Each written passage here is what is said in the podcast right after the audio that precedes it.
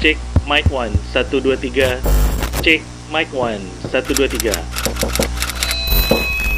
Bicara. Bincang agama, raih pahala. Bismillah, Assalamualaikum warahmatullahi wabarakatuh. Alhamdulillah, wassalatu wassalamu ala rasulillah Wa ala alihi wa sahbihi wa man wala. Amma ba'd. Pemirsa Asia TV di mana pun Anda berada Alhamdulillah Seperti biasa kita bertemu kembali di program Bicara Bincang Agama, Raih Pahala Dan insya Allah Ta'ala Bicara akan membahas topik-topik yang sedang terjadi uh, Yang sedang hangat dibicarakan Ataupun menimpa diri kita dan untuk topik tersebut atau permasalahan tersebut kita akan coba mencari jalan keluar atau meninjau permasalahan tersebut dari sisi syar'i. Untuk itu kita membutuhkan arahan ataupun faedah-faedah dari guru kita yang bisa memberikan atau meninjau masalah itu dari sisi syariat. Dan seperti biasa alhamdulillah kita sudah kedatangan guru kita Ustadz Muhammad Pamana Hafizullah Ta'ala di studio kita kita sapa terlebih dahulu beliau Assalamualaikum warahmatullahi wabarakatuh Ustadz Assalamualaikum Gimana kabarnya? Sehat Ustadz? Alhamdulillah. Alhamdulillah. Baik Ustadz, karena Ustadz sudah hadir di sini langsung saja Ustadz uh, supaya tidak berpanjang lebar. Ini pertanyaan begini Ustadz. Ini uh, saat ini uh, wabah ini sepertinya menyerang ke segala lini Ustadz. Ya kan? Uh, jadi ekonomi diserang, kemudian kesehatan diserang dan salah satu lagi yang lagi hangat saat ini adalah menyerang di lini ibadah. Kalau sebelumnya kan kita, sudah tahu bahwasanya uh, ada larangan mengenai uh, sholat di masjid tahun lalu gitu tahun ini masjid sudah oke okay, 50% untuk dimasuki segala macam gitu Ustaz. Nah yang baru kejadian ini masalah ibadah haji Ustaz. Haji saat ini um, sudah memasuki tahun kedua uh, di mana uh, jamaah haji yang sudah mendaftar itu gagal berangkat. Nah ada sampai uh, obrolan bahwasanya kekhawatiran rata-rata kan nih jamaah haji kita udah tua-tua nih Ustaz. Usia udah senja semua, yeah. kurang lebih di atas 50 rata-rata. Nah, ada khawatiran kalau seandainya haji tahun ini tidak berangkat lagi seperti yang sudah diumumkan, belum tentu mereka punya usia sampai tahun depan untuk menunggu. Dan selain itu juga yang sesudahnya akan kena efek nih yang harusnya jadwal tunggunya cuma 20 tahunan, sekarang sudah bisa menjadi mungkin bahkan bisa sampai 30 tahunan. Kalau secara umur manusia kan rata-rata 60 Ustaz. Yeah. Dan biasanya baru daftar itu di usia 40-an. Berarti kalau rata-rata biasa bisa jadi yang berangkat itu umur 70. Ada kemungkinan mereka bisa gagal sama sekali berangkat. Nah. Karena maut yang mendatangi atau usia kesehatan yang tidak memadai.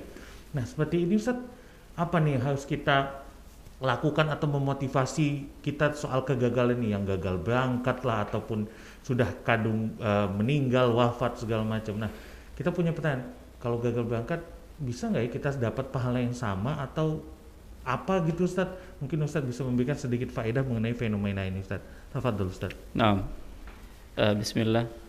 Alhamdulillah wassalatu wassalamu ala Rasulillah wa alihi wa ashabihi wa man tabi'ahum bi ihsanin ila yaumiddin wa ba'du. Para pemirsa Rasya TV yang dimuliakan oleh Allah. Yang pertama, hendaknya kita senantiasa banyak berdoa kepada Allah Subhanahu wa taala agar Allah Subhanahu wa taala mengangkat wabah ini dari negeri kita dan negeri-negeri kaum muslimin pada umumnya sehingga memberikan kemudahan bagi kita untuk bisa melaksanakan ibadah kepada Allah Subhanahu wa taala. Dan semoga dengan wabah ini bagi yang sakit diberikan kesembuhan oleh Allah, bagi yang meninggal dunia diberikan ampunan oleh Allah Subhanahu wa taala bagi yang sulit diberikan kelapangan oleh Allah Subhanahu wa taala. Memang benar dan kita sudah uh, mendengar sendiri, melihat sendiri ketetapan dari Menteri Agama ya pemerintah kita bahwasanya di tahun ini ya kalau tidak berubah ketetapan itu ya jamaah haji Indonesia tidak berangkat untuk melaksanakan ibadah haji di tahun 1442 Hijriah ini. Sama seperti pada tahun sebelumnya. Dan ketahuilah ini semuanya sudah Allah Subhanahu wa taala takdirkan. Allah Subhanahu wa taala telah mengatakan di dalam surat Al-Qamar ayat yang ke-49, "Inna kulla syai'in khalaqnahu biqadar." Sesungguhnya kami telah menciptakan segala sesuatu menurut ukurannya. Jadi apa yang terjadi hari ini, ketetapan yang terjadi hari ini sekiranya ini merupakan ketetapan yang final, maka ini sudah ditetapkan oleh Allah Subhanahu wa taala. Lebih lanjut Nabi kita sallallahu alaihi wasallam menyebutkan di dalam hadis Bukhari dan Muslim kataballahu maqadir maqadirul khalaiqi qabla an yakhluqas samawati wal ard bi khamsina alfasanah. Allah Subhanahu wa taala telah menetapkan takdir makhluknya ya sebelum diciptakannya langit dan bumi 50 ribu tahun. Jadi apa yang sudah terjadi hari ini penetapan tidak berangkat ibadah haji di tahun kedua ini ini sudah ketetapan dari Allah Subhanahu wa taala. Dan kita wajib beriman terhadap takdir Allah Subhanahu wa taala yang baik maupun yang buruk. Boleh jadi ada hikmahnya. Ya, tahu atau tidak tahu kita apa hikmah yang uh, terjadi terkandung di dalam setiap peristiwanya, wajib kita imani. Ya, wajib kita iman. Dan segala ketetapan Allah yang ditetapkan kepada hambanya itu yang terbaik. Karena Allah Subhanahu wa taala zat yang maha bijaksana. Lalu bagaimana dengan peluang ya dua tahun yang sudah tidak lagi berangkat, gagal berangkat, yang seharusnya tahun depan, tahun semalam sudah berangkat, kemudian gagal, tahun ini direncanakan untuk berangkat, kemudian gagal. Ya bagaimana kita menyikapi ya fenomena seperti ini? Apakah kita harus uh, mencaci maki penguasa, kemudian tidak terima terhadap takdir Allah Subhanahu wa taala? Ini sesuatu yang keliru maka kewajiban kita adalah bersabar terhadap takdir Allah Subhanahu wa taala dan redha terhadap takdir Allah Subhanahu wa taala.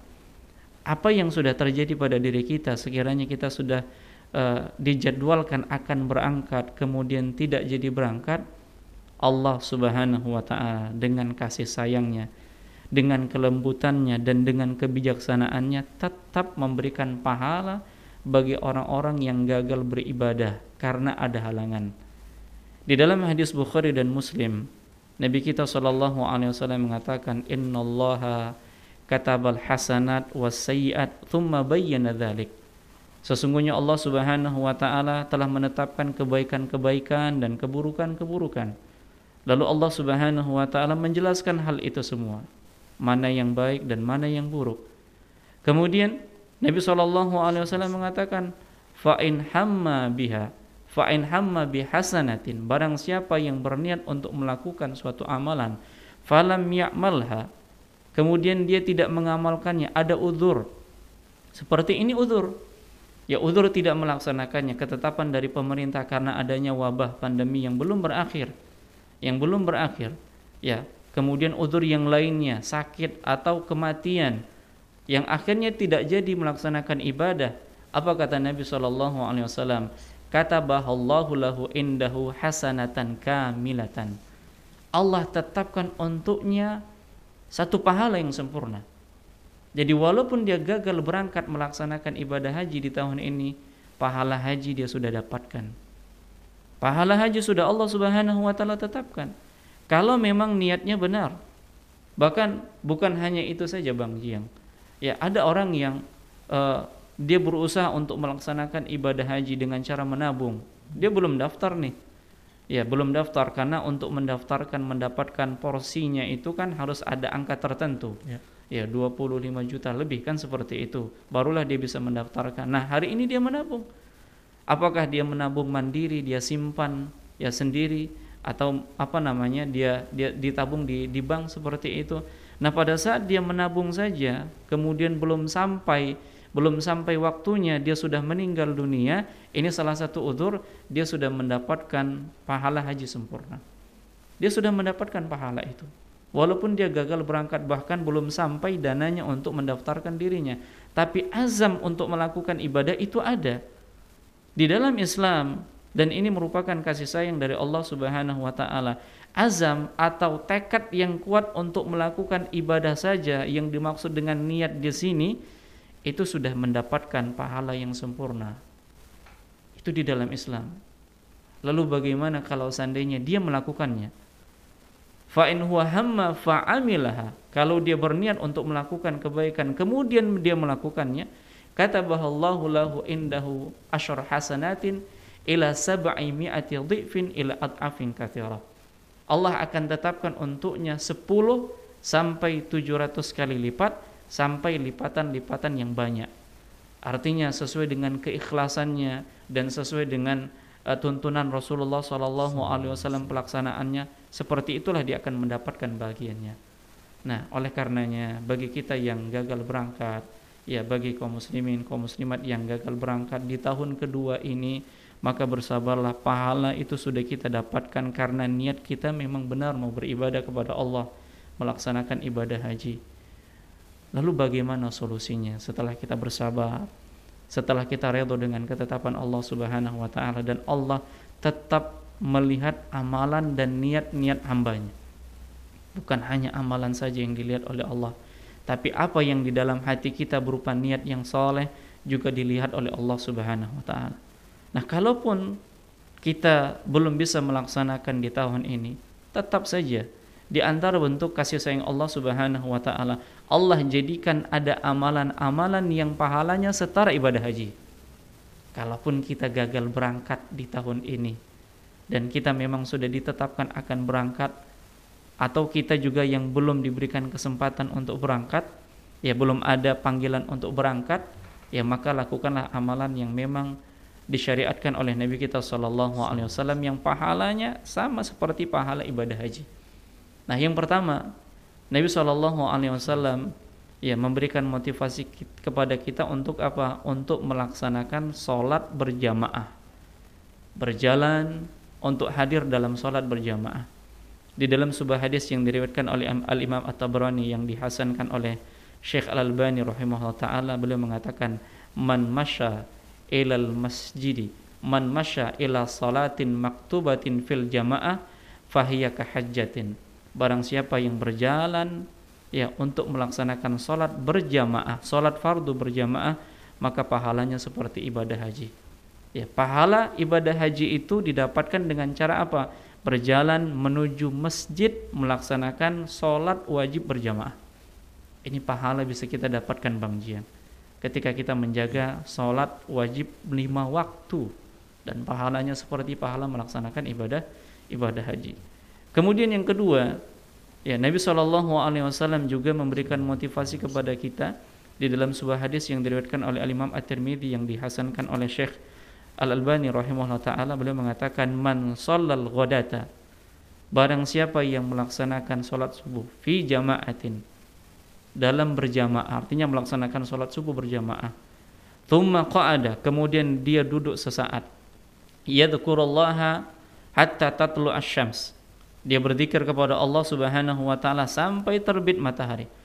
Thumma shalla raka'ataini, kemudian dia salat dua rakaat. Kahanat lahu ka ajrin hajatin wa umratin. Faqala sallallahu alaihi wasallam tamatin tamatin tamatin. Maka pahalanya seperti ibadah haji dan umrah. Bahkan Nabi Shallallahu Alaihi Wasallam mengatakan sempurna, sempurna dan sempurna.